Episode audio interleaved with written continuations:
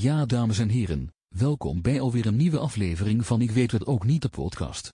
Deze keer is Cesar Majorana te gast en hij legt uit wat seks op YouTube te maken heeft met Karl Marx. Dus luister even. En koop mijn boek op autonomieboek.nl. Groetjes. Je krijgt de groeten van meester Bart. Shout-out naar meester Bart, man. Ja, die, die kon net de lift uitzetten. Ik weet geen idee wat hij hier aan het doen was. Maar die Hier, zei- hij is hier nu. Nee, hij, hij was hier net. Ik stapte de Oh. lift in, hij stapte de lift uit. Toen zei hij, eh, wat ga je doen? Toen zei ik, ik ga podcasten met Cesar. En toen zei hij, eh, oh, doe hem de groeten. Dus vertel me even hoe je meester Bart kent.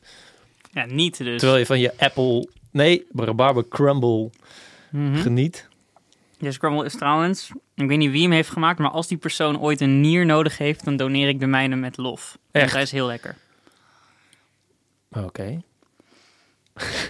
Sorry, ik hou even verder. Ja. Ik weet dat je niet monteert, dus het is heel irritant. Ik, ga even, ik neem nog één hap en dan ben ik er klaar mee. Wat dan? Hij is toch net zo lekker? Je mag gewoon blijven eten? Mhm. Maar eh, hoe ken je meester Bart? Dat was de vraag. Ja, niet man. Ja, via het, via het internet. Maar ken je iemand dan echt? Hij heeft Ja, volgens mij gewoon mijn statement. Het statement wat ik heb gemaakt waar we het straks over gaan hebben, dat heeft hij als een van de eerste ook echt wel ge- geretweet en gezegd, ben het eens met deze jongen. Ah, ja, ik ken meester Bart ook van het internet. Dus ik ken hem eigenlijk ook niet. Ik volg hem niet eens op Twitter, maar ik schaam me er nu wel voor. Dus meester Bart, als je luistert, ik begin je vanaf nu te volgen. Kijk op je telefoon. Het is zo. Nu? Oh, Ja. Het is niet live. hey, eh, ik ging er googlen. Ik volg, ik volg je al een beetje. Soms, zo nu en dan. Waarom Vloggers Janken volg ik natuurlijk. Wat, eh, los van dat het heel grappig is, is het gewoon heel mo- Het is eigenlijk een soort kunstproject, zie je dat ook niet? Zo? 100% ja, zeker. En die vorm was voor mij ook al meteen duidelijk, zeg maar. Het idee was eerst van, goh, wat grappig als ik nou al die tranen online op dat Instagram-account ga uitlichten. En meteen de dag dat ik het aanmaakte en de eerste drie foto's had gepost, kwam ik erachter dat het ook dat er een bepaalde schoonheid in zat. Dat die, de, de manier waarop die mensen aan het huilen zijn, de, de grootsheid van de tranen en tegelijkertijd ook hoe dat iets probeert te zeggen over de waarde van tranen in een digitaal tijdperk, dat, dat is voor mij wel echt een kunstwerk ook. Ja. Dus ik ben blij dat je dat zo zegt. Maar, maar zit, je dan, zit je dan, als je die video kijkt, zit je dan het juiste frame op te zoeken? Ja, echt, het is echt een kunst. Dus, ik ben, eh, dus ik, wat ik nu Maar doe, is ik speel wat- ze af op een, een 0,15% snelheid. Ja. En dan in slow motion kijk ik beeld voor beeld wanneer de compositie juist is. En dan kies ik er één. Terwijl, maar, terwijl als iemand jankt, is het de schoonheid van, nou, van janken is dat het beweegt eigenlijk, toch? Dus nu kies je eigenlijk een Weet ik niet. Je kan ook naar een barok schilderij kijken. En er zit dan zo superveel beweging in. Maar het schilderij houdt dan, het heeft dan de dreiging van de beweging in zich. Dat zie ik ook met die tranen. Die tranen, als je dan zo en zo knol met die glimmende ogen waar die traan zo meteen uit gaat vallen ziet, dan, dan, dan, dan voel je in je buik voel je die traan al vallen. Maar ik weet niet. Nee, daar kunnen we het zo ook over hebben. Want oh ja, zo wilde ik het inleiden eigenlijk. Hoe ik jou, wat ik het eerste vind als, je, als ik jou google, als ik Ja. naam google. Je weet waarschijnlijk zelf ook wel. Google je jezelf wel eens? Ja. Het eerste, als eerste vind ik een filmpje van RTV Dordrecht. Oh. Ja, ja, ja. Klopt trouwens. wa- Ja. Waarin je als eh, 17-jarige 16. 16-jarige meedoet aan een... eh, ehm, Filosofie Olympiade, ja, die, die ik een- gewonnen heb. Echt? Twee Wa- keer. Waar was hij ook weer? Wat, eh, moest naar Eh, Finland of zo? Nee, ja, dus, ik heb, dus er is een nationale filosofie Olympiade. En daar won ik eh, de juryprijs. En toen mocht ik deelnemen aan de internationale filosofie Olympiade in Denemarken, in Odense. Oh ja. Waar Hans Christian Andersen geboren is. En ehm, het jaar daarop heb ik weer filosofie Olympiade meegedaan en ook weer gewonnen. Oké, en wat, maar hoe, gaat dat in zijn werk? Je schrijft een essay op een gegeven moment. Je moest Dus je reageren zit op in een een, in stelling. een kamer, niet heel veel anders dan dit hok. en, ehm, en dan krijg je een, een, een, een laptop, een, een hele mooie afstandse laptop voor je. En dan krijg je een aantal stellingen waar je uit kan kiezen. Die stellingen die heb je van tevoren nog niet gehoord of gezien. En vervolgens is het aan jou de taak om binnen vier uur een, een kloppend van begin tot eind afgemaakt essay daarover te schrijven. Oké. En dan is er een jury van filosofen ehm, die dat beoordeelt. Oké. En dat, waar ging het eerst over? Oeh, het ja, je was niet- het is wat ik deed op niet- mijn 16. maar het is niet hetzelfde als je inzending, toch? Hoe bedoel je? Eh, Die, die inzending van in het filmpje ging het over, eh, over natuur, toch? Ja, ja die. Dat Death is of de. Nature had je toen ja. geschreven. Ja, dat Maar was de dan- eerste. En dan de, tijdens de finale moet je iets anders doen. Ja, dan in die internationale wedstrijd heb ik een andere geschreven. Die is overigens niet in de prijzen gevallen. Maar die was ook Ah, echt complex. Ik was ook met veel te moeilijke onderwerpen bezig waar ik dan... Je weet nog wat in dat juryrapport ook al stond van... We waarderen de, de, de moed waarmee dit geschreven is. Je, hebt, je, Maar- je hebt je best gedaan, maar thanks. Ja, dit, het was veel te, Oké, en, en complex. En, ik moet daar misschien dan wel als context nog bij zeggen. Ik was een leerling die op het eh, VMBO terecht is gekomen. En ehm, de Filosofie Olympiade is eigenlijk een wedstrijd voor in ieder geval havisten of eh, voornamelijk gym- gymnasiasten. Ook omdat HAVO op, op filosofie HAVO niet zo'n groot vak is als het bijvoorbeeld op gymnasium is. Ehm, dus ik had een docent, en shout-out naar al die docenten. Hier ook misschien de link naar meester Bart, maar de docenten die zich net wat extra inzetten en jongeren weten te inspireren. Want een docent van mij die had een school in Rotterdam buiten dat VMBO waar hij les gaf. En die kon mij via die school inschrijven voor de filosofie Olympiade. Want die jongen die zei, of die man die zei van ja, ik zie een bepaald talent in jou. maar hoe, hoe, hoe kun je een filosofie talent zien in een 16-jarige die eigenlijk niet op die school zit? Ik eh, las heel veel. En ik, was, ik weet nog zo dat ik in die man zijn les kwam en dat ik zo hekel onder mijn arm mee had genomen. Ook natuurlijk een beetje omdat ik de coole rebelse jongen wilde zijn die op het VMBO zat, omdat hij daar eigenlijk niet thuis hoorde. En dan ook nog zo hele zware werk aan het lezen was. Mhm. Maar dat viel op. En ik was natuurlijk op het VMBO ook al mijn eerste journalistieke stappen aan het zetten. Want ik had heel veel vrije tijd. Dus toen ik 15 was, heb ik volgens mij mijn eerste stukje voor Vice geschreven. Oh Destijds dat staat ook nog- ergens in een eh, bio. Oh nee, Ja. volgens mij op je management eh, website. Ja, eh. destijds nog voor Jan van Tienen. En ehm, ik was toen al heel druk bezig om zo overal aan de bak te komen, dingen te maken. Ik voelde die drang heel erg. Maar, en nog steeds wel, lijkt me. Maar die, maar- die, die woede is alleen maar erger geworden, maar het, het volgende wat ik dan zie is dat je op één been met je tanden was uit een wasmand pakt met Mr. Polska.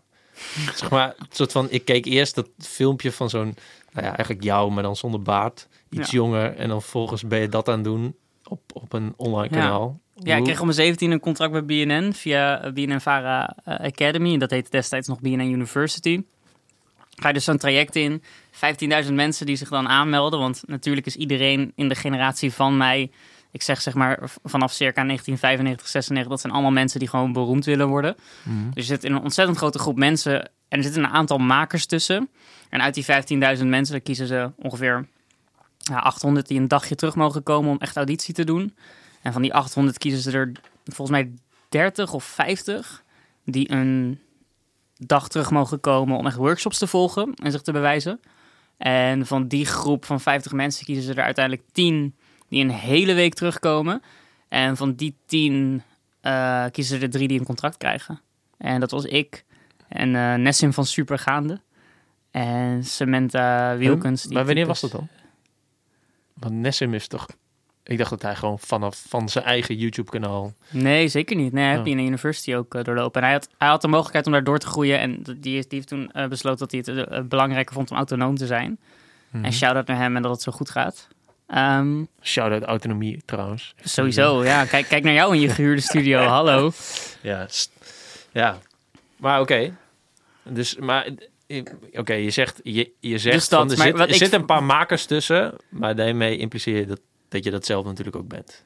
Ja, Toch? voel, Want, je, voel ik me wel. want ja. eigenlijk zeg je van, kijk, je kunt wel beroemd willen worden en waarschijnlijk zijn er ook mensen beroemd die alleen beroemd willen worden, maar de krenten in de pap zijn makers. Of zeg je dat niet zo?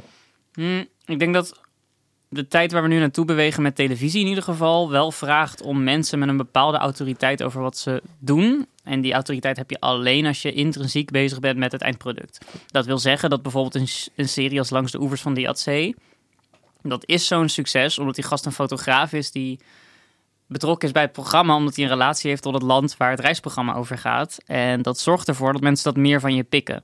Ik denk dat jij komt van een generatie van Winston Post en, eh, of Jeroen of ooit, ooit, gewoon al die mensen die op de bank zaten bij TMF, Ja. die eigenlijk allemaal gewoon van straat geplukt waren of daarvoor nog feestjespromotors waren. En die opeens de autoriteit hadden om jou, als je uit school kwam, te vertellen welke videoclip van 50 Cent je moest kijken. Ik voel me echt oud, man. Ja. Ja, zo, zo, zo is het wel, eh Jelmer. In, En, eh, inwisselbare mensen, maar ja, je ziet ze ook niet terug, toch? je ziet ze ook niet, die hebben het ook niet gehaald. Want ze Behalve uiteindelijk Arie niet iets Boomsma. te- Die was Behalve ook Arie. Boomsma. En, nu, en was Humberto Tan niet ook? Sportjournalist Nee, die was bij- sportjournalist, hè? Ja, bij NOS. Nee, heet die andere van... eh, help, mijn man is klusser. Ehm, ja. John Williams. Ja. Die heeft het ook gehaald. Hij was ook belspeljongen.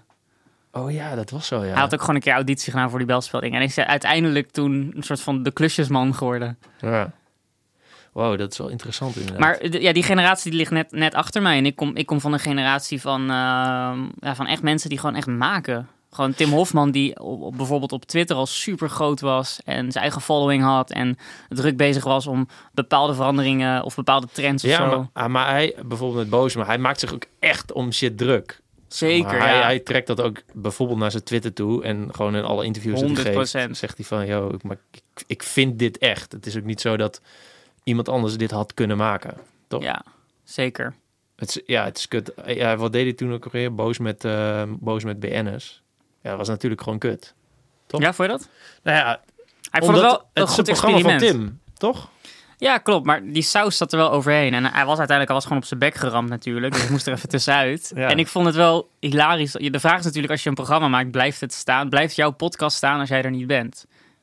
Is het, de, het format van de podcast zo sterk dat zonder Jelmer de Borg dit alsnog een beetje voelt als de Jelmer de... En, en, eh, en dat is het succes van Boos. Ze hebben een vorm gemaakt die in alles, in de geluidjes, in zeg maar, dit weten heel weinig mensen, maar dat team van Boos dat werkt daar zo hard aan dat bijvoorbeeld ieder geluid, ieder bumper geluidje, dus als er zo ploep ploep ploep iets Ja. op het scherm verschijnt, is iedere aflevering anders geweest het afgelopen jaar.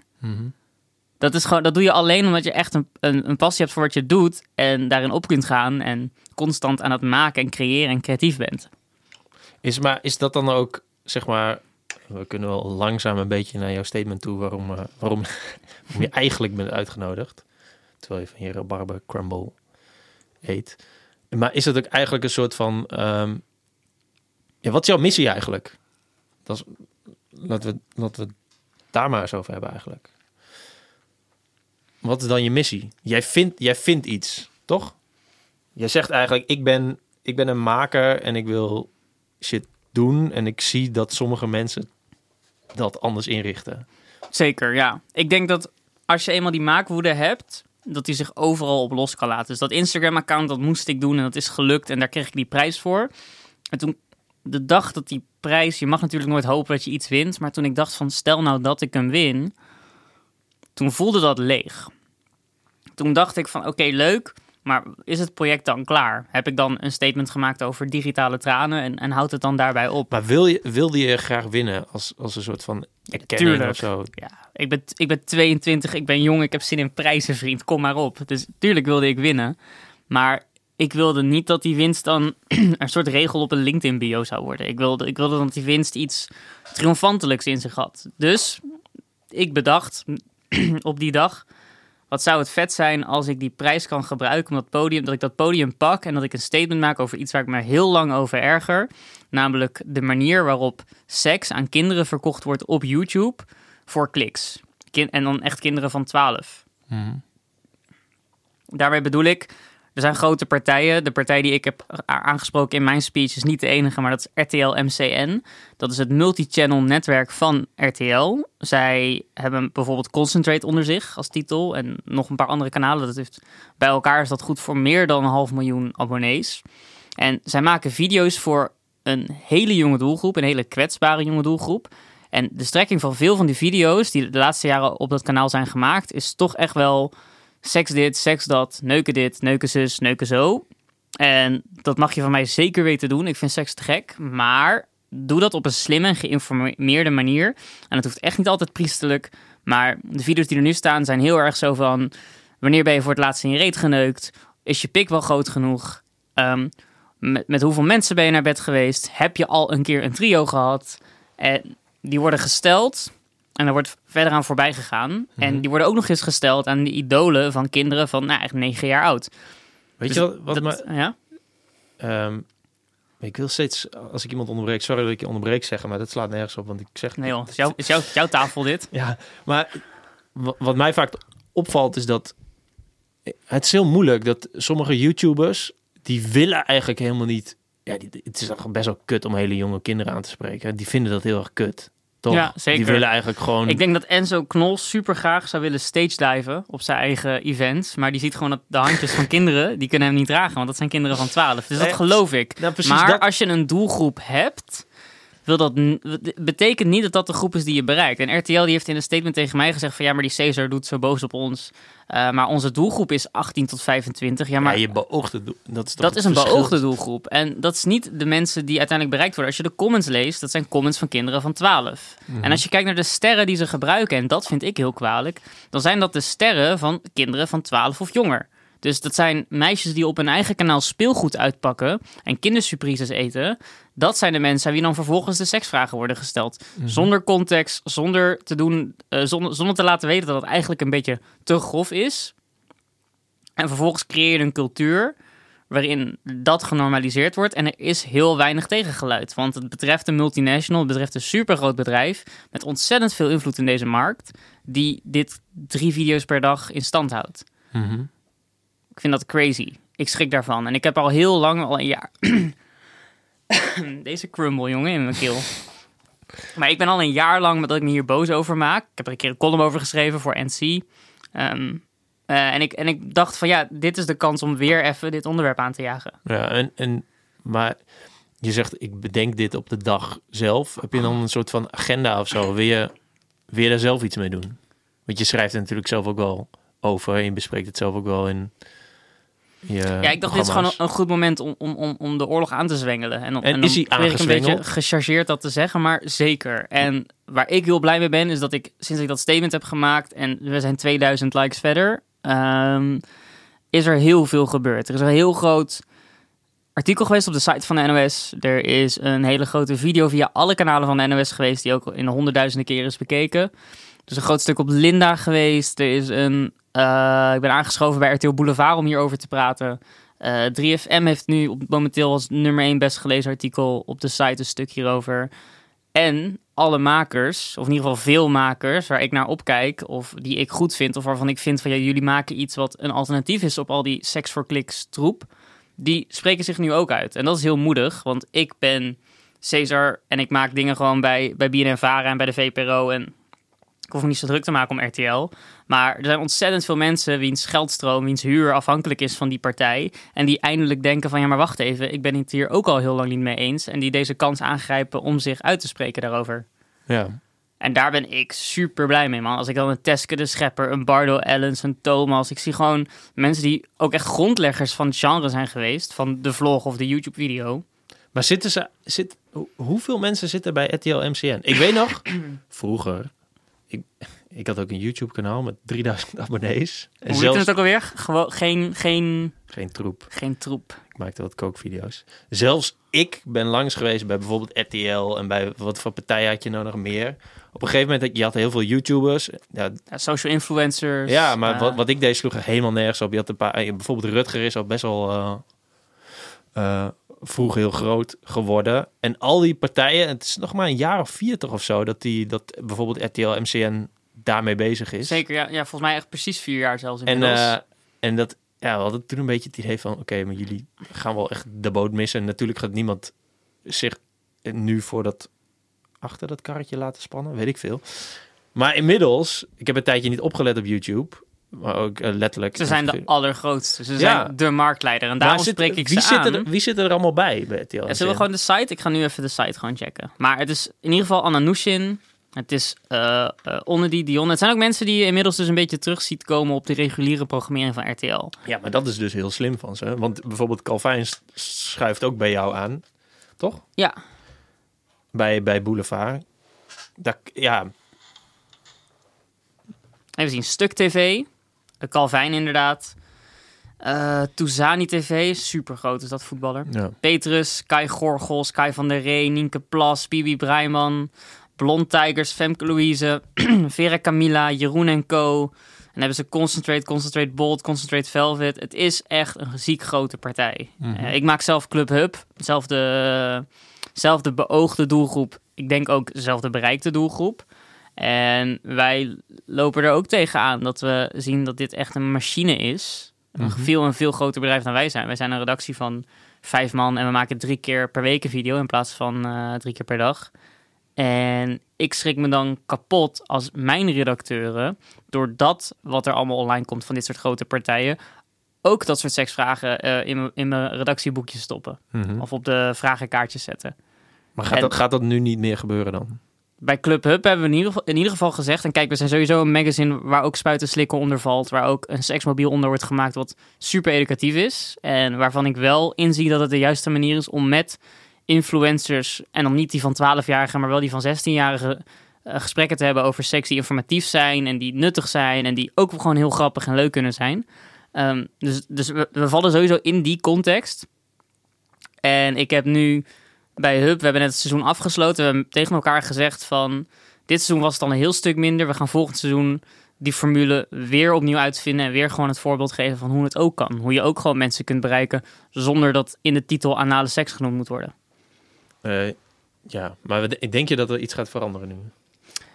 Ja, ik ben te jong om cynisch te zijn. Ik ben 22. Ik zie dat er ontzettend veel bijval is vanuit de makers. Ik hoop in de komende dagen dat ook de ouders zich daarbij gaan voegen. Want ik heb ontzettend veel ouders tot aan Bridget Maasland... die bij RTL Boulevard zich kapot schrok van wat haar kinderen keken. Die zei dat haar zoontje van negen het al heel de dag over deelders had gehad... en zij niet wist hoe het kwam totdat ze op YouTube keek. Zit er, eh, ja, ik voel me echt zo'n oude dude. Zit er zo'n leeftijdsbegrenzer categorie? Kun je dat instellen op YouTube als Dat kun je instellen, maar dan is aan jou nu de vraag van mij: denk je dat het gedaan wordt als dat betekent dat er minder eh, opbrengsten, minder views zijn? Ja, nee, ja, de vraag stellen is een beantwoorden. Maar Ja. ehm, ja, de vraag was eigenlijk meer: kun je als ouder een eh, leeftijdsbegrenzer op YouTube zetten? Net zoals bijvoorbeeld, je kunt dat, kunt dat op internet toch zetten, dat je bepaalde websites niet kunt bekijken. Ja, zeker. Maar ik denk dat het debiel is als je nu als ouder probeert je kind van YouTube te, te, te houden. Nee, dat bedoel ik niet. Maar meer dat sommige video's gemarkeerd worden. Kijk, ik bedoel deze podcast, als ik een keer scheld of vloek. Ik heb zo'n explicit dingetje ervoor, want dat vond ik cool. Maar ik weet, ja, het kan best zijn dat als... Misschien luistert er nu een kind van 11. Ja, of juist Hallo, niet. Of juist doe je niet. best op school. Want als je, weet ik veel, je leeftijd ergens invoert bij Apple. Dat via Ja, bij YouTube mag je alleen een account hebben als je 18 bent. Dus dat wil zeggen dat iedereen op YouTube 18 is. Ja, maar, maar je kunt toch in de statistieken zien dat, dat je een jongere doelgroep bereikt. Ja, maar dat doen ze via de cookies van de apparaten en niet via de accounts. De accounts zijn echt alleen maar voor 18-jarigen. Oké. Maar, eh, oké. En je kunt wel die restrictie inzetten, wat, wat ik eigenlijk ook een beetje een te heftige restrictie vind. Want waarom zou je niet met een 16-jarige gewoon een gesprek over seksualiteit kunnen hebben? Ja, ja, dat doen die kinderen onderling ook. Ja, tuurlijk. Maar het Ja, creëert wel een soort hebben. grijs gebied, waardoor RTL heel makkelijk kan zeggen, en dat hebben ze ook gedaan in een statement naar de NOS, eh, ja, de regulering ontbreekt, dus we, eh, ze moeten ons maar reguleren. Dus die wijzen heel erg naar YouTube. Zo van, ja, maar, ja, maar we kunnen, oh, onze handen zijn, eh, zitten vastgebonden, want YouTube die doet er niks aan. En ik vind dat toch echt precies hetzelfde als wanneer een kinderlokker zou zeggen, eh, de, de, de school moet die kinderen beter beschermen. Ja, vriend, zo werkt het niet. Jullie Ja. moeten je een keer gaan gedragen online. Ja. Maar ja, dan gaat het dus niks veranderen. Op Dat- die dat- manier. Dat denk ik dus wel. Dat ik ben, ja, maar nogmaals, ik ben gewoon heel hoopvol. maar- jij, bent, jij bent glas half leeg, hoor ik nu. Nee, totaal niet. Alleen het, wat, wat ik dus zie, ja, ik ben dus een oud dude van 32, ik ben 10 jaar ouder dan jij. Maar wat ik dus zie is dat, ehm, ja, met uitzondering van podcast misschien, dat alles zo fucking snel moet en het gaat alleen maar om aandacht, aandacht en kliks. Ja. Dus, en die, daar, ik zie er niet echt een kentering in. Ja, nou, ik denk dus wel dat, dat in ieder geval, kijk... Ik weet niet waar dit op gaat uitkomen. Of is het gewoon Misschien een is moeras het waar we nog eventjes uit moeten? Dat er zeg maar een soort van zijweg ingaan die misschien niet de goede is. Dat we even een stukje terug en dan weer... Kijk, wat jij zegt, die cultuur van, van YouTube is nog niet zo heel oud. Dat is misschien tien jaar oud nu of zo in totaal. Dat mensen echt op YouTube filmpjes maken en kanalen hebben en vlogs maken. Ja. Dat is een kind van tien, als je naar, naar zou kijken als een mens. Ik denk dat je een kind van tien nog heel erg kan vormen. Ik denk dat je een kind van tien nog echt zeker kan corrigeren. En ik ben nu bezig met het corrigeren. En ik zie om me heen gewoon heel veel mensen die me bijval geven daarin. Ja. Maar wat, wat wil je uiteindelijk? Wil je, wil je met Club Hub bijvoorbeeld ergens naartoe? Zeg maar, ben je ook aan het uitproberen en wil je naar een... Nou, ik heb in ieder geval bij Club Hub al gezegd, we moeten het beter doen, we kunnen het beter. En we hebben dat vanaf dit seizoen hebben we al een beetje die verandering ingezet. Dat gaan we vanaf het derde seizoen alleen maar verder brengen. Ehm, ik wil uiteindelijk dat iedereen zegt, we kunnen het beter doen. En we zijn beter verplicht, want momenteel is... Ja, YouTube is toch een soort van bibliotheek waar alleen maar eh, de Playboy eh, hangt nu voor kinderen. En er zijn zeker voorbeelden van dingen die goed gaan. Dus er zijn, er zijn echt wel hier en daar. Ik vind bijvoorbeeld jachtseizoen ook van, eh, van RTL MCN, van Stuk TV. Ja. Vind ik een soort nou, ticketje voor volwassenen. Vind ik geweldig goed. Ja, Werkt echt super goed. En ik denk dat dat ook gewoon zijn succes haalt. En daar moet zeker ruimte voor zijn. Dus laten we meer ons focussen op dat soort toffe, vernieuwende online dingen die zich ook alleen maar echt op YouTube zouden kunnen afspelen. En laten we stoppen met die opzichtige, opzichtige klikshit voor kinderen. als, het, als het op tv was geweest, zeg maar, dit soort... Dat is daar gewoon een mediawet voor. Ja. Dus- Caro, Caro Kindertijd gaat niemand vragen of ze liever vingeren of beffen. Want die weet dat de doelgroep gewoon acht jaar oud is of jonger. ja. Ehm, ik, ja, ik ben daar persoonlijk, maar dat is, dat is dan heel erg persoonlijk. Ik vind, ik vind dat een hele goede oplossing. En ik weet dat een beetje eh, achter, ja, een beetje stoffig is. Maar ik vind bijvoorbeeld ook dat op, op de NPO-website eh, bepaalde eh, titels die voor mensen boven de 18 zijn, dat je die pas na een bepaalde tijd kan controleren, hoe knullig het ook is. Het is wel een maatregel, tenminste. Het zet wel een norm. En ik denk dat je normen nodig hebt om. eh, tuurlijk mag je daar boos op zijn. Ben ik ook soms. Vind het soms ook heel onhandig. Maar daar wordt die norm in ieder geval voor gemaakt. Zodat mensen in ieder Ja, geval ergens weten van, nou, dit, dit doen we niet. Zo, maar zo gaat het toch eh, altijd eigenlijk. Dus dan is een regel en dan kun je dan een soort van omheen zwemmen. En dan, Zeker. Ja, maar je dat zou ziet- je perfect zijn. Stel dat die kinderen van 12 die super graag die, die, die, die pijpvideo's van RTL eh, willen zien. En nu chargeer ik het natuurlijk, maar in ieder geval de video's waarin, waarin aan meisjes wordt gevraagd die vloggen eh, hoe graag pijpje, wanneer was de laatste keer. Stel dat die video's een keer op het bovenste schap van de supermarkt zouden staan, zoals de Playboy dat staat, in plaats van gewoon op ooghoogte voor die kinderen. Want als ik nu een video aanklik van een van die leuke jonge influencers, dan ben ik maar twee kliks verwijderd van een gerelateerde video Ja, maar dat is waarin het gaat over seks. Ja, maar dat, dat is dus het hele kutte van YouTube. Zeg maar. Zodra iets populair is, wordt het alleen maar populairder. Ja. Toch? Het is, eh hoe heet het ook weer? Het Matthew effect of weet ik veel wat. Dat het Nou, in ieder geval, het algoritme is er zeker op ingericht, ja. Ja, dus zodra iets populair wordt, is het, wordt het automatisch nog populairder. Dat is een beetje kut. Hey, maar wat vind jij überhaupt van ehm, ehm, commercie? Ik bedoel, je zit zelf bij de publieke omroep. Ik weet niet precies hoe dat, hoe Ja, dat ik denk dat, hè? ja, maar ik ben, ehm, in die zin zit, die- jongen die, filosofie, die, die meedeed aan de filosofie-olympiade en gewoon nog zijn marxistische theorie las, zit nog steeds een beetje in me. Want ik vind het, kijk, uiteindelijk als ik echt kan zeggen wat ik vervelend vind aan deze hele situatie, dan is het dat kapitaal de verhoudingen van adverteerders en makers op jongeren bepaalt. Dus dat onderlinge sociale verhoudingen tussen, tussen groepen mensen bepaald worden door wat het geld wil. En het geld wil zoveel mogelijk, zeg maar, het kapitaal wil uiteindelijk dat er gewoon zoveel mogelijk producten worden verkocht aan de kinderen en de ouders van de kinderen die het geld hebben. Ja, En dat zorgt ervoor dat we die seksdingen meer. doen. En altijd meer. Het kapitaal wil ook groeien. Het wil alleen maar meer, ja, meer, meer. Dus die seksvragen worden heftiger, heftiger, heftiger. En die shit gaat steeds verder en verder en verder. En ik probeer nu een keer te zeggen, kappen daarmee. Stel, maar stel, Cesar grijpt niet in. Waar zitten we dan over twee jaar? Ja, iemand Doe anders had ook wel in kunnen gaan. Ik heb, ik heb toevallig een podium gekregen en ik dacht, ik gebruik het een keer voor een goed doel. Ehm, maar ik denk dat uiteindelijk, kijk, uiteindelijk zullen of de ouders of, of, of misschien zelfs de kinderen zelf, uiteindelijk zou deze verandering wel ergens vandaan kunnen komen. Want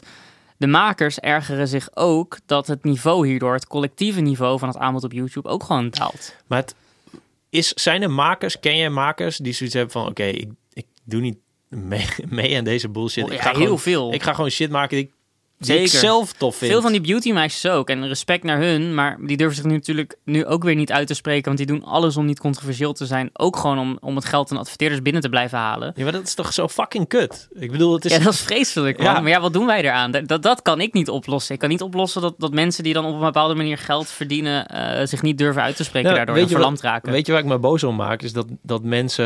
eh, nou, een heel stom gerelateerd voorbeeld is dat er iemand vandaag tweette dat een of andere topkok Show Fontaine een uh, Fontaine een mooi water vond en dat, eh, dat iemand zei ja die gast moet ook gewoon zijn rekeningen betalen. Dus de, de tendens of wat heel veel mensen denken is van ja, tuurlijk doen ze gesponsorde shit, want ze moeten Ja, betaald maar, maar in worden. die, in die opmerking zit al een soort van... Tuurlijk doet hij dat, maar ik trap er niet in. Ja, ook en wel een dat beetje. Is, en Maar dat is jammer, want er zijn manieren waarop je er wel in trapt die je niet doorhebt. ik weet niet of we, daar, of, we, of we een wereld moeten creëren die er zo uitziet. Alleen het, het stomme vind ik dat iedereen maar zoiets heeft van... Ja, mensen moeten gewoon... Die YouTubers verdienen echt knetter veel geld met die deals. Ja, zeker. Kijk, ik heb ook die campagnes gedaan. Die krijgt echt en ik, was, ik ben maar een simpel bloggetje. Maar je krijgt echt heel veel geld voor gesponsorde post. En, en tot heel voor kort was daar ook geen regulering voor. En die is vanuit Nee. de branche zelf gekomen. Dus uiteindelijk hebben de YouTubers tegen elkaar gezegd: we moeten de wet voor zijn. En in ieder geval zelf alvast de regels opstellen voordat het ons de mond wordt gesnoerd. En die Ja. hebben toen het hele ding, een hele campagne met Ja, sponsored content. oké, maar uiteindelijk werkte dat toch ook niet helemaal. Nee. Nee. Ja, Ja, Maar oké, het was wel een goed initiatief. In en het laat... er gebeurde iets. Precies, er gebeurt iets. En kijk, verandering eh, eh, eh, komt doordat er bewegingen zijn die een tegenbeweging krijgen. En daaruit ontstaat weer een grotere nieuwe, nieuwe beweging. Thesis en de Ja, antithesis. de these en de anti- en de synthese. En, Ja. en ik wil heel graag even de ja. antithese op wat we nu allemaal met elkaar online hebben gemaakt. Ja. Ik zie die wereld. Ik zie dat er gewoon nog heel veel aan te verbeteren valt. Ehm, ik ben zelf ook benieuwd nu naar de synthese. Ik ben ook benieuwd naar wie er met mij aan tafel komt zitten. Maar ik heb een aantal partijen gesproken. Eh, aantal hele grote partijen hierin. En de geluiden die ik hoor zijn echt alleen maar goed. Ik denk dat uiteindelijk wil iedereen dat we het met z'n allen beter doen. Als je daar tegen bent, als je tegen eh, het beter doen van YouTube, het, het, het beter maken van dit ontzettend grote middel wat we hebben. Ja, ik kan me bijna niet voorstellen dat je dat niet wil. Dat, dat iemand nu gaat zeggen van ja, weet je wat, het is prima hoe het is. Ja, ja, ik vergelijk dat dan steeds met eh, dat we willen ook allemaal gezond zijn en gezond leven en gezond eten. Maar ja, er zijn natuurlijk ook bedrijven die allemaal willen groeien. Dus, en iedereen wil een marktaandeel hebben. En dus ja, dan worden er nog steeds allemaal spullen verkocht. Op een soort van slinkse manier. Denk je dat, ja kijk, wat me opviel bij Club Hub is dat het een van de weinige kanalen is die niet alle titels in hoofdletters zet. Ik Ja. vind dat het zo, ik vind dat het, dat het zeg maar een soort van, ja, daar ging iets mis op YouTube. Zeg maar, je, moet alles in hoofdletters Ja, doen, want alles. iedereen doet alles in hoofdletters. Ja, want dan dan valt het meer ook- op. Dan is het ook, Cesar Majorana heeft trio hoofdletters gehad met hoofdletters meisjes. Ja, En denk je, ja, maar eh, eh, eh, wat, wat geven we nu de prioriteit inderdaad? Die, die, sowieso die hoofdletters laten ook, er zijn ook een soort schijnwereld. Het is allemaal vorm van dezelfde krampachtige poging om die kinderen te lokken. Het zijn een soort van de kinderlokkers van Hamelen, maar dan online. De kinderlokkers van Hamelen. Toch? Met De zo'n titel die van de fluit. podcast is dat. Ja. ja, die vingerratten, dat was op zich nog wel prima. Dus ben jij de rattenvanger eigenlijk? Misschien ben ik de rattenvanger. Hey, maar ik weet niet of de vraag beantwoord is. Ehm, wat je van commercie vindt. Ik bedoel, wat, vi- wat vind je ervan dat... Ik denk dat het, dat het soms eh, een, ja, is dan noodzakelijk kwaad de juiste term. Ik denk dat kwaad een iets te negatieve lading heeft, maar ik wil zeggen noodzakelijk kwaad. En ik denk dat het zeker iets kan versterken. Ik vind dat wanneer, eh, nou, dat is de laatste in de reet, van RTL, eh, omdat ik al zo, zo, zo op, zit, op heb zitten hameren. Maar wanneer zij bijvoorbeeld met eh, UNICEF naar een rampengebied gaan, en het geld van UNICEF ervoor zorgt dat zo'n influencer tussen de vluchtelingen staat en ehm, eh, eh, zijn mening kan geven en kan documenteren wat er aan de hand is, dan ben je wel iets aan het creëren wat gewoon cultureel waardevol is. En ik denk dat uiteindelijk bewegen we toe naar gewoon cultureel waardevolle creaties. We hebben een tijd lang in de content marketing gezeten. In de tijd dat de enige manier om frisdrank te verkopen was ehm, zoveel mogelijk coole dingen te maken zodat de frisdrank cooler leek. Dus dan, dan had Coca-Cola stuurt dan gewoon zo'n team van meisjes de wereld in die dan coole challenges doen met elkaar. Ik denk dat we inmiddels een beetje een kater aan het krijgen zijn van al die troep. Want er wordt gewoon, er wordt gewoon heel veel voor niks gemaakt. En ik denk dat nu wat meningvollere acties en interventies steeds meer de prioriteit krijgen. Dus voor mij zijn. eh, nou, bijvoorbeeld de gisteren Domino's Pizza die dan de, de gaten in de weg vult in Amerika. Het is natuurlijk eh, eh, ultiem problematisch dat het überhaupt zover moest komen. Maar het is dan wel vet dat de vorm van iets goeds doen voor de wereld, de vorm van marketing is. En ik geloof zeker niet dat bedrijven eh, eh, allemaal goede intenties hebben. Maar ik vind het gewoon hilarisch dat er in heel veel gevallen, als de intenties van de bedrijven overeenkomen met wat mensen willen, dat er dan per ongeluk gewoon goede dingen gebeuren. Dus als wij nu met z'n allen zeggen, hey, die sekstroep, klaar ermee, laten we leuke gesprekken die informatief zijn over seks hebben, en dat er gewoon een Durex op afstapt en zegt, wij sponsoren dat, dan is dat een vorm waarin een bedrijf uiteindelijk nog steeds wil gaan groeien, en ook vast wel zal doen, want het is uiteindelijk gewoon marketing, maar waardoor je eh, eh, eh, dat bedrijf wel een soort van inzet om per ongeluk iets goeds te doen voor de wereld. Ja, precies. Maar wat voor bedrijven sponsoren nu die video's waarin zoveel over seks Walibi, eh, die sponsort RTL MCM met geld. Ik vind dat altijd gek, want als je dan... eh, er zijn heel veel fandagen van, van die accounts die bijvoorbeeld bij Concentrate eh, te, te gast zijn in een van die interviewprogramma's en al die sekstroep beantwoorden. Als je een fandag hebt van die makers, van die influencers, dan komen er alleen maar kinderen van 13 naar Walibi. Ja. Dus dat no- nog een keer dat hele ding van RTL van onze doelgroep is ouder. Jongens, lul niet. Eh, maar bijvoorbeeld Walibi dus, um, X-deodorant, eh, toch ook wel geliefde deodorant onder pubers. Ehm wat is nog meer een partij? Ehm, ze werken samen met ook een paar non-profits. Ze werken samen met... Ik kan weer de site erbij pakken. Maar op zich gewoon veel Unilever-merken. Veel doodnormale dingen. En eh, zoals Red Bull. ja, ja, maar Uni... Ja, sowieso geen shout-out. Ja, nee, ja. Shout-out naar Unilever, alsjeblieft. Ik ga naar huis, Nee, maar man. eh, Unilever is, is bij uitstek... het- Lenovo, is bij uitstek het bedrijf wat produ- dat producten maakt. Renault. Die kijkt naar de markt. Oké, ja, hier is Pedigree. wel ongeveer vraag naar. En zo'n product gaan we maken. Ja, dus laten wij als markt zijnde, als die werken ouders dus en samen kinderen met- zijnde, eh, de, de vraag veranderen. Ja, dat is wel een eh, nobel streven. Ja, maar ik vind in, in tijden van protest, in tijden van verandering, moet je ook wel nobel willen streven. En ehm, aan mij dan de taak om meneer glas half vol te zijn. Maar ik ben ontzettend trots op, op hoe. Ja, je bent hoe dit 22 en een idealist. Ja, toch? Neem het mij eens kwalijk, godverdomme. Hé, hey, maar eh, eventjes. ehm, is er niet bijvoorbeeld in Amerika of in eh, een ander land wat voorloopt op bepaalde gebieden?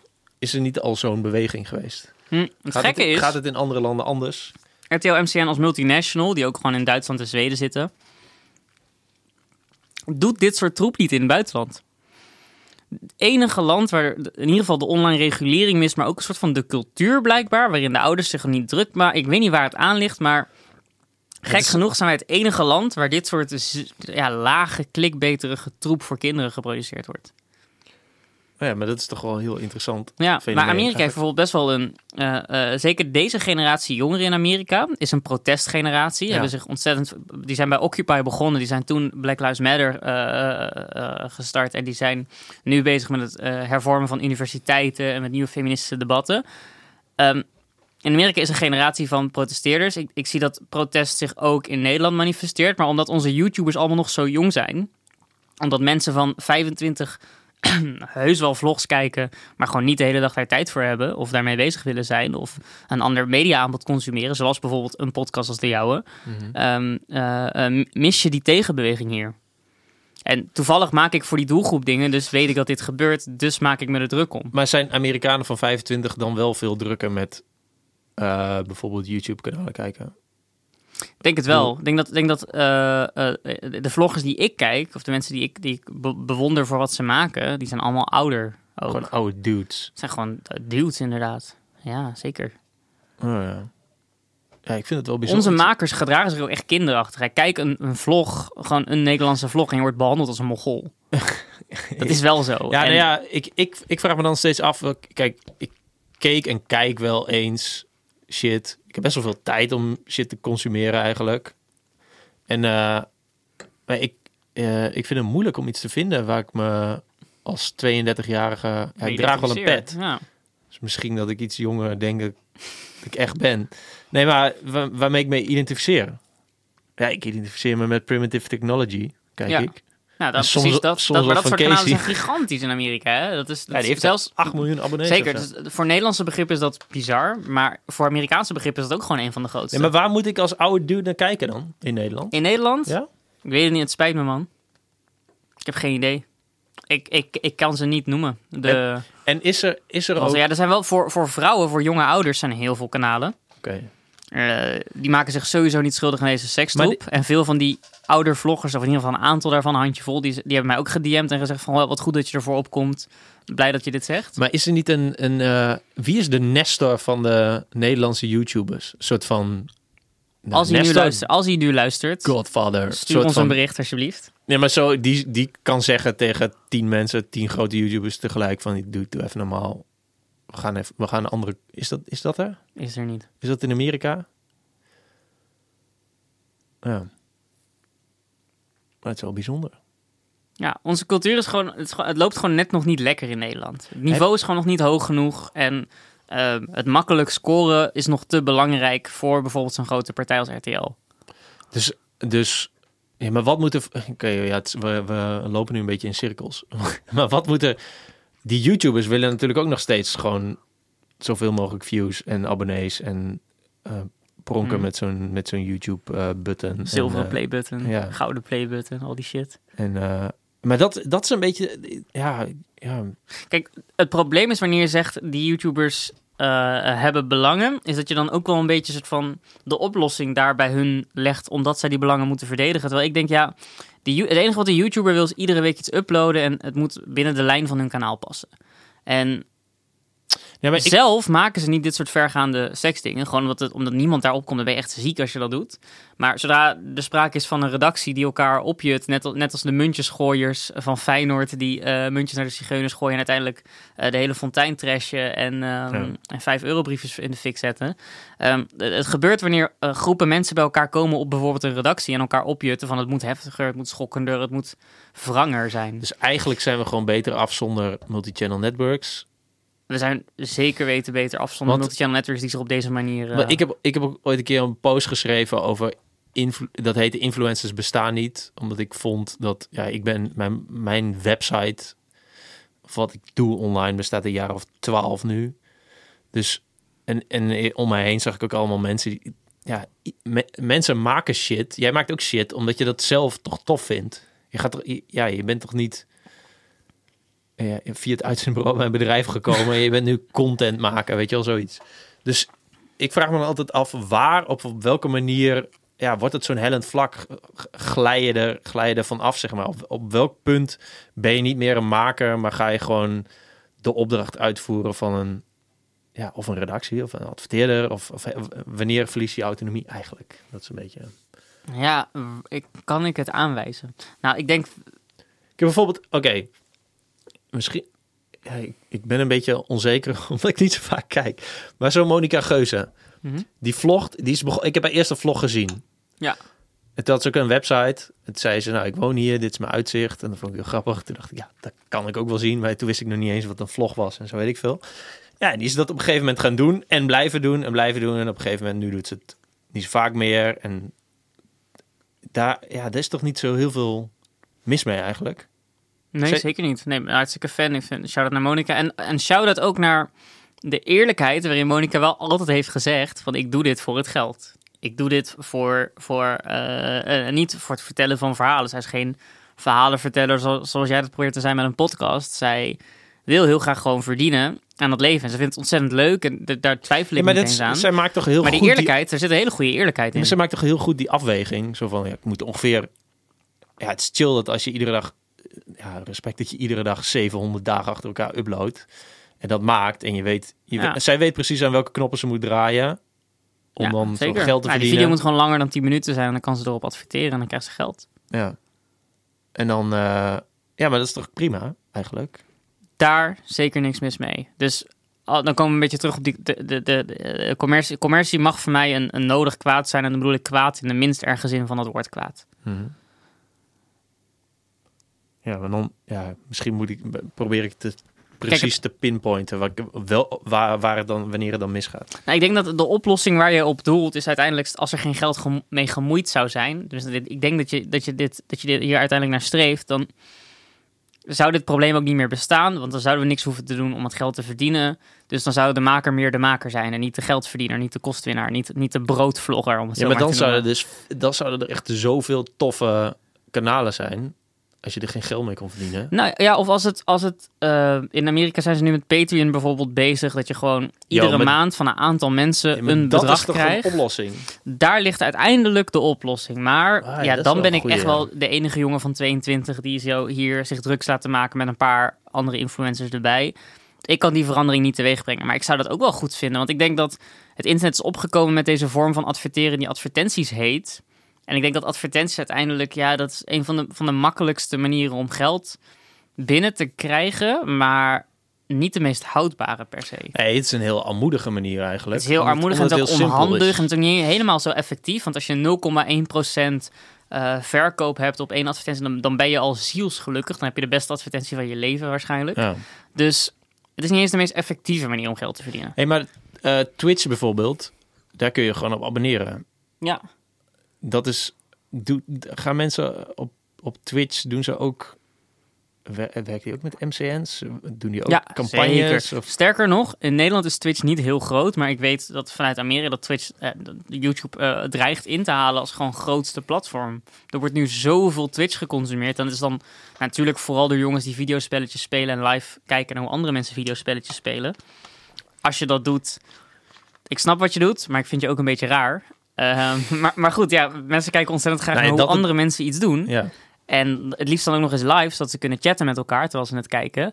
Ehm, en het hilarische, het hilarische daaraan vind ik dat we dan langzaam ook weer een beetje terugkomen bij lineaire televisie, waarin iedereen op hetzelfde moment live Ja. zit te kijken. Ehm, maar goed, ik, ik, wie, ben ik om daarover te oordelen? Dat is misschien de toekomst ook in Nederland. Ja. Dat Monica Geuze gewoon die camera pakt en hem gewoon op live drukt. En dan gewoon 10 minuten even van haar dag filmt, of misschien zelfs een heel uur. En dat was dan de dagvlog. Ja, en dat je Geen daar dus montage, niks. op kunt abonneren door te betalen. Ja, Ja, met, ja. ja, maar het kut is dus dat die commercie en die advertenties, dat die zo, dat is zo moeilijk tegenaan te... Ja, het is helemaal niet moeilijk. Want weet je hoe bang ze nu worden?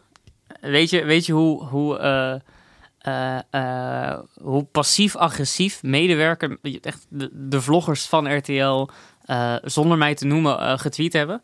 Dus er is, er is, ik denk dat als dat gebeurt, als je dat effect krijgt, dat mensen zich zeg maar echt druk om je beginnen te maken, dan wil dat zeggen dat je op welke manier dan ook hun kapitaal of hun macht aan het bedreigen bent. Ja. Dus ik vind dat het goed gaat. En dit is pas eh, week 1 van mijn, eh, van mijn verzet. Hè? Vergis je niet. Ik ben ontzettend goede gesprekken achter de schermen aan het voeren. Waarvan, waarvan ik denk van ja, wacht maar even. Hier komt misschien wel eens iets heel groots uit. Oké.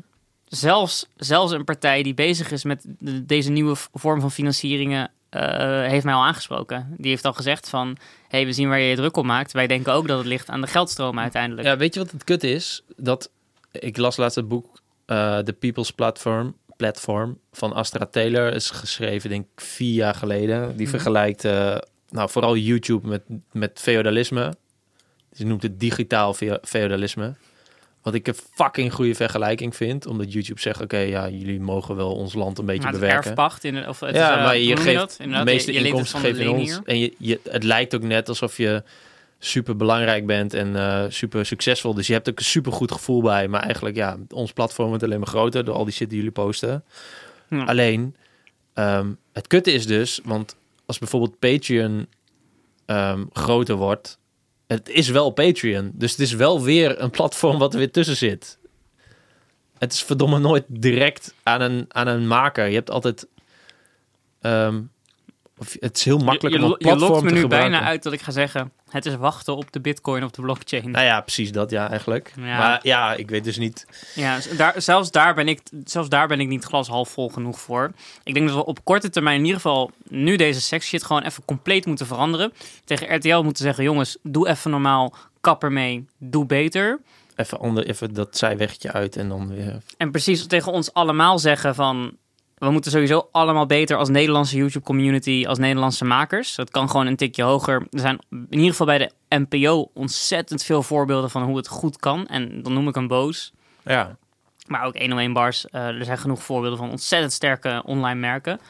Ehm, en dan laten we inderdaad op de langere termijn... en, en dat is, dat is de, de grote route die we nog met elkaar af te leggen hebben... kijken naar hoe we op het internet nieuwe vormen van financiering gaan vinden. Maar dat is ook een probleem van Videoland. Dat is ook een probleem van... Dat is een probleem waar gewoon heel veel digitale entiteiten momenteel mee worstelen. Verdien jij geld met de podcast, met dit? Eh, nou, ik heb dus... eh, En zo ja, waarom krijg ik niks, vriend? Ik heb je water aangeboden, dat wilde je niet. Ondankbaar. Ik heb deze rabarberkrumbel zelf gekocht. Ja. Ehm, nou, ik las dus een artikel op Wired.com dat, de, dat podcast-advertenties de heilige graal van adverteerders zijn, omdat het zo intiem is. Dus en over mensen- twee maanden ben je hier zo... Cesar Morana is filosofiestudent geweest. Weet je wat ook leuk is? Matrassen. En als je dan zo'n heel ding over matrassen moet gaan Nou verkondigen. ja, precies dat. En toen, toen las ik dat en toen dacht ik, oh ja, dan eh, natuurlijk gaat iedereen eh onit.com en eh, weet ik veel, Squarespace en met je kortingscode. Maar ja, ik schrijf boeken. Dat is, enige, dat is mijn enige inkomstenbron, boeken. Dus ik zeg nu voor mijn podcast, heb je net ook waarschijnlijk kunnen luisteren, want hierna ga ik dit editen en dan komt het ervoor, van koop mijn boek op autonomieboek.nl of op uh, thuisblijversduurder.com met de kort, kortingscode podcast. En ja, er zijn, er zijn dus... ehm, Lekker gedaan houden. Ehm, ja, maar er zijn dus drie podcasts geweest waarin ik dat verteld heb daarvoor. En eh, daar komen die... eh, dat converteert inderdaad. Ja? Mag Ja. ik weten hoeveel? Oh, dat, ik heb geen idee. Ja, wel. Kom nou. Nee, want ik kan het niet meten. Want die, kortingscode zeg ik nu pas voor het eerst. En de dus rest... je gaat het nu meten. Ja, ik ga dat dus nu meten. Maar jij, jij verkoopt dus maandelijks genoeg boeken om van te leven. Wat vet eigenlijk. Ja, omdat ik ze zelf uitgeef. Ja. Zo'n, eh, Ja, alleen wat ik dus... eh, Is het een fysiek boek? Het is een e-book of is het een fysiek boek? Ja man, ik heb hem... eh, Jij zit wel te zeuren dat je niks krijgt. Oh, ik mag één boekje mee naar huis nemen van Oh, jou. nee, bedankt man. Eh, voor de je- mensen, en voor dan de je mensen hem die dit- vast. Nee, maar ehm, dat, is, dat is hoe... hoe ehm, ja, ik hoef het niet per se over mezelf te hebben. Maar dat is dus hoe, hoe ik het probeer. Ik... even Kijk, dat, het gevaar van RTL MCN, en dit is heel ja, mooi, mooi boek trouwens, maar gevaar van RTL MCN is dus inderdaad dat, kijk, RTL verdient volgens mij, ik weet niet of dit klopt, maar volgens mij verdienen ze momenteel geen geld aan YouTube. Dat is alleen maar investeren. Ik denk dat eh, Peter van der Meers nu dit eh, gaat eh, checken in de volgende NRC. Ik hoop het, ja, ik hoop het. Nee, maar, maar volgens mij is het alleen maar investeren, investeren, investeren, zodat ze de marktleider kunnen zijn. Zijn ze nu, ongeveer, volgens mij. Blijkbaar niet als er problemen zijn, maar goed, dat is mijn strijd. Maar de makers zijn wel heel erg onafhankelijk daardoor. eh, of heel erg afhankelijk van RTL daardoor. En dat is wel wanneer het kwalijk wordt. Want dat zijn gepassioneerde mensen. Ze willen heel graag gewoon die filmpjes maken voor hun doelgroep. En wat er gebeurt is dat als RTL op een dag zegt... hé, hey, maar luister, dus YouTuber was leuk, maar Formule 1 racen, daar ligt het echte geld. En ze trekken al het geld weg bij RTL MCN. Ja. Dan hebben de makers niks meer. Dan, kunnen ze, dan kan het echt het verschil zijn tussen wel of geen huur betalen, hoe het nu werkt. ja. Maar dat is toch, dat is toch het hele... Dus het, het maakt je zeker weten kwetsbaar ook om met zo'n grote partij in zee te gaan. Het is allemaal leuk en aardig en, en, en, en, champagne en bubbels en we gaan het doen en we gaan groeien. Maar als op een gegeven moment de groei voor de aandeelhouders van RTL niet goed genoeg meer is, of als er iets anders gaat moeten, of, of er wordt een nieuwe directieweg ingeslagen, dan zijn de makers als eerste het slachtoffer daarvan. Ja, dus eigenlijk die, Dus- boek, die boekjes van Marx die je onder je, onder je arm hebt over het proletariaat en dat ze, dat ze, hoe heet dat, de productiemiddelen in handen moeten hebben, dat vind jij dus ook met YouTube. Ja. Daar komt het op neer, toch? Ja, einde podcast, ik ga naar huis, doei. maar ja, ja, daar komt het wel op neer. En maar hoe maar, doe je maar dat goed, zelf dat kan nu? ik nu niet. Weet je wel, ik kan niet nu naar, naar, naar ik kan niet bij RTL Boulevard dat vertellen. Dat is, dat is een, een probleem voor de lange termijn. Maar ik kan wel op dit soort op, met zo'n kleine interventie als deze en waarin ik iedereen erop wijs dat we even het beter moeten doen, kan ik wel een ontwrichting veroorzaken in de route van het kapitaal. Want uiteindelijk, kijk, mijn droom is natuurlijk dat de adverteerders vanzelf ook zeggen van hé, hey, RTL, we willen niet meer dat jullie onze advertenties plaatsen bij video's die kinderen seks verkopen op een opzichtige en toxische manier. Dat zou voor mij al het grootste succes zijn, Ja. als, het als de geldstromen veranderen. Ehm, dus En ik, eh, ik vind, ik wil eraan toevoegen, dat je als maker moet zorgen dat je je eigen geldstroom creëert. En dat je tegen adverteerders kan zeggen, joh, ik heb jullie toch niet nodig, want zeker. ik heb mijn eigen boekje wat ik... Nee, maar Eh, bijvoorbeeld... Side dat- note daarbij is dat het gewoon in Nederland, dat de markt gewoon ook misschien nog niet groot genoeg is voor iedereen om echt zijn eigen geldstroom te krijgen. Dus de maker, weet je wel, je kan niet de makers zeggen van, ah, jullie zijn zo dom, want jullie gaan naar RTL. Nee, ja, gelijk hebben ze. Dat is, dat is voor hen echt het verschil tussen wel of geen huur.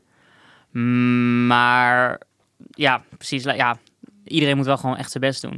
Ik vind het namelijk wel vet dat heel veel van die beautyvlogmeisjes expres niet zich aansluiten bij RTL. Want die, die kunnen wel met sponsordeals en hun eigen make-up lijn en hun eigen lippenstiftjes, kunnen ze wel gewoon dat geld bij elkaar krijgen. Ja, maar hoe gaat die... Hoe en de gaat die onafhankelijkheid waarborgen. als je bij zo'n MCN zit, zoals RTL, hoe...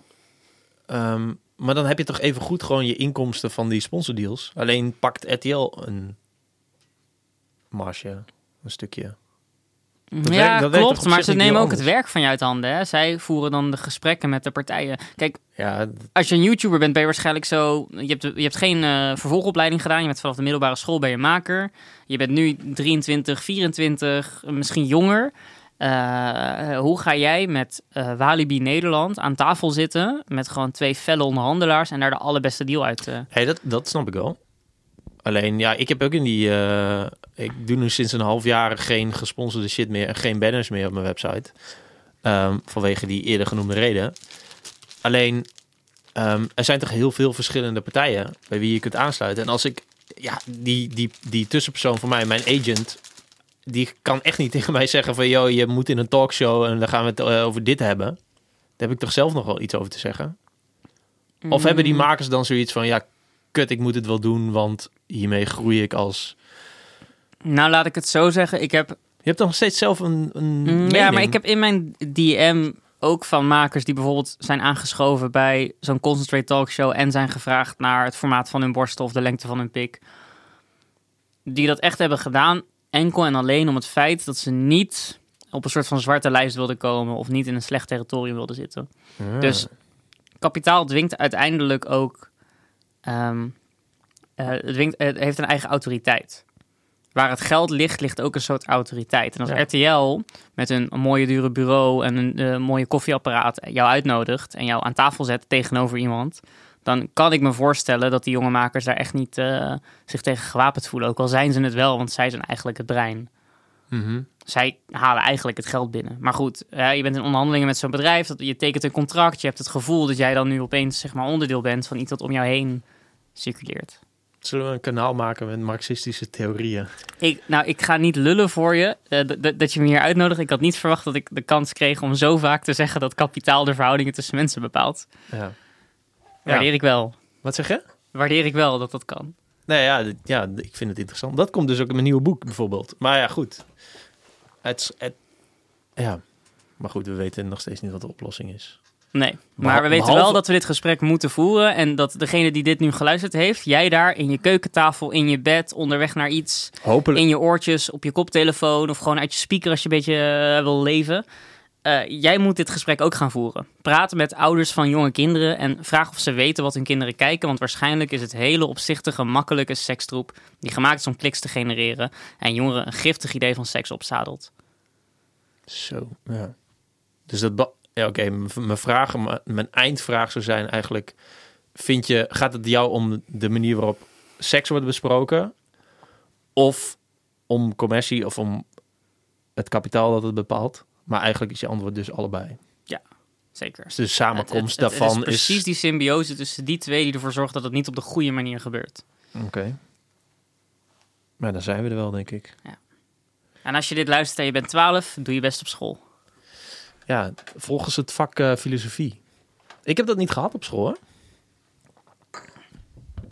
Nee, wat voor school zat jij? Op eh, de regionale scholengemeenschap Wolfsbos in Hogeveen. Ah. En toen ben je op... Welke opleiding heb je gedaan uiteindelijk? Wat ben je gaan doen in een vervolg? Ik heb drie dingen gedaan. Communicatiesystemen, multimedia en vormgeving. Dat is mbo, toch? Nee, dat is HBO. Oh, Ik ben gestart met bedrijfskunde. Dat vond ik na twee maanden niet dat is leuk. ook niks voor jou. Nee, maar ik ging dat doen omdat iedereen dat ging doen. Ja. en eh, toen ben ik dus dat communicatiesystemen gaan doen. Toen was dat heel weinig eh, werk. Toen ben ik sociale geografie en planologie gaan doen. Aan de universiteit daarnaast moest ik de hele tijd heen en weer lopen en fietsen.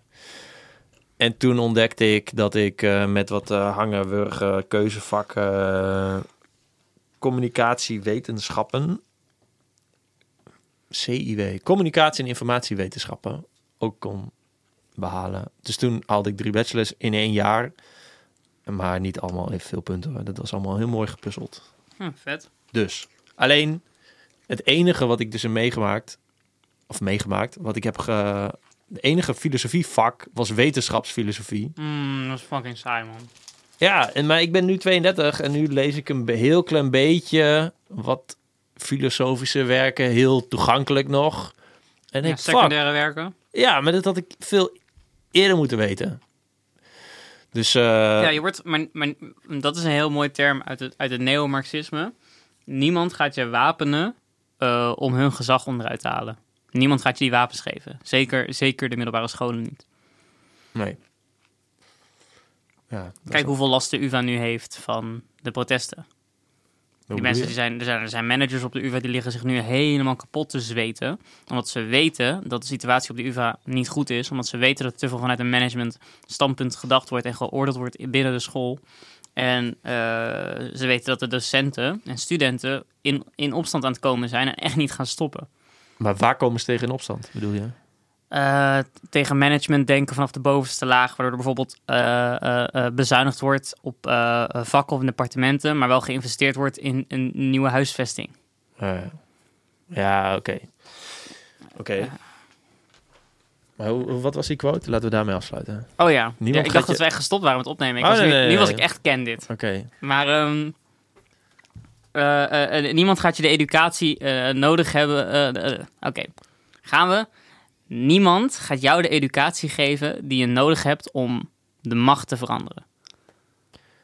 Oké, bedankt, Hun het macht luisteren. te veranderen. Oké, bedankt voor het luisteren. Tot de volgende keer. Doei. Doe je best op school.